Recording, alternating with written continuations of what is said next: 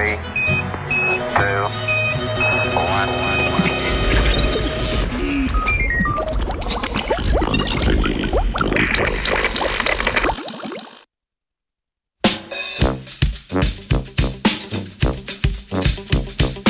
Še sonca, prosim.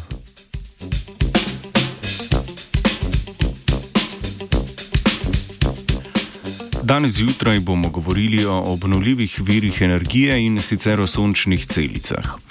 Nedavno je namreč raziskovalna skupina v reviji Journal of Materials Chemistry A objavila raziskavo o potencialu za izboljšanje učinkovitosti bioloških sončnih celic z integracijo nekaterih redkejših fotosintetskih proteinov. Biološke sončne celice namreč za pretvarjanje sončne energije v električno uporabljajo fotosintetske proteine.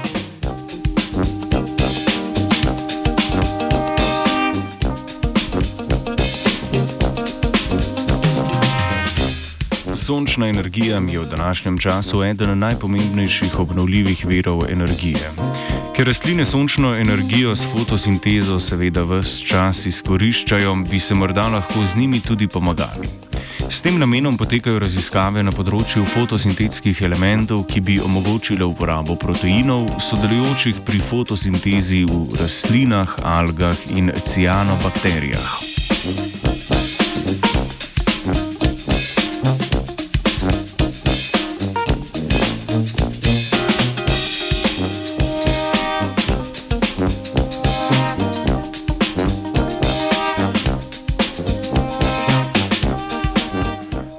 Glavni protein oziroma proteinski kompleks, ki pri fotosintezi pretvarja svetlobno energijo v kemično, je fotosistem 2.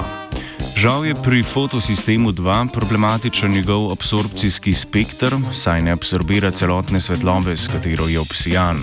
In tako v kemijsko, oziroma v našem primeru električno energijo, pretvori le določen delež.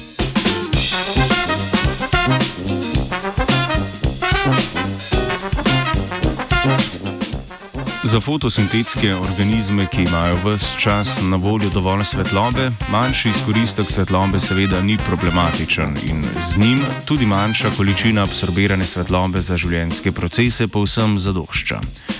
Nasprotno pa velja na primer za globokomorske mikroorganizme, ki do svetlobe teže pridejo in so se morali znajti drugače.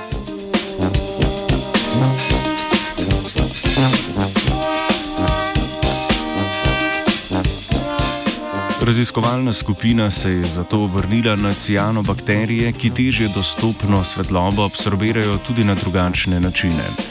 Poleg fotosistema 2 namreč za absorpcijo svetlobe uporabljajo tudi proteinske komplekse - fikobiline. Ti absorbirajo pri drugih valovnih dolžinah kot fotosistem 2, zato bi kombinacija teh dveh kompleksov omogočila zgolj celostno izrabo svetlobne energije.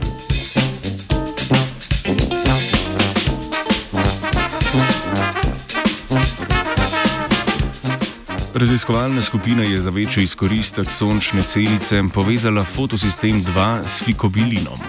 Opazili so, da se je ob prisotnosti fikobilina izkoristek znatno povečal. Povezane fotosintetske proteine so fiksirali v porozno membrano, ki je omogočila čim bolj neoviran pretok elektronov in povečan izplen energije.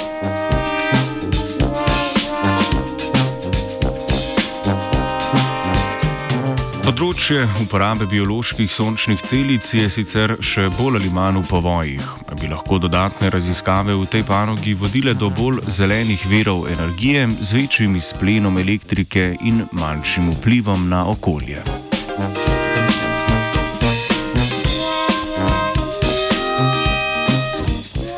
Soncem se je obsijala Dora.